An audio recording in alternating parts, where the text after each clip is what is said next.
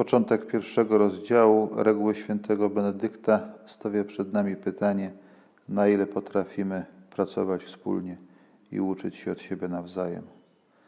Potęga mnichów polegała i polega na tym, że są w stanie żyć wspólnie i uznawać wyższość innych ludzi w pewnych sprawach i uczyć się od nich.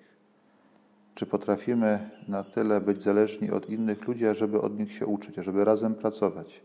Nie traktować ich jako konkurencji, ale jako na te, z którymi mamy budować wspólny dom.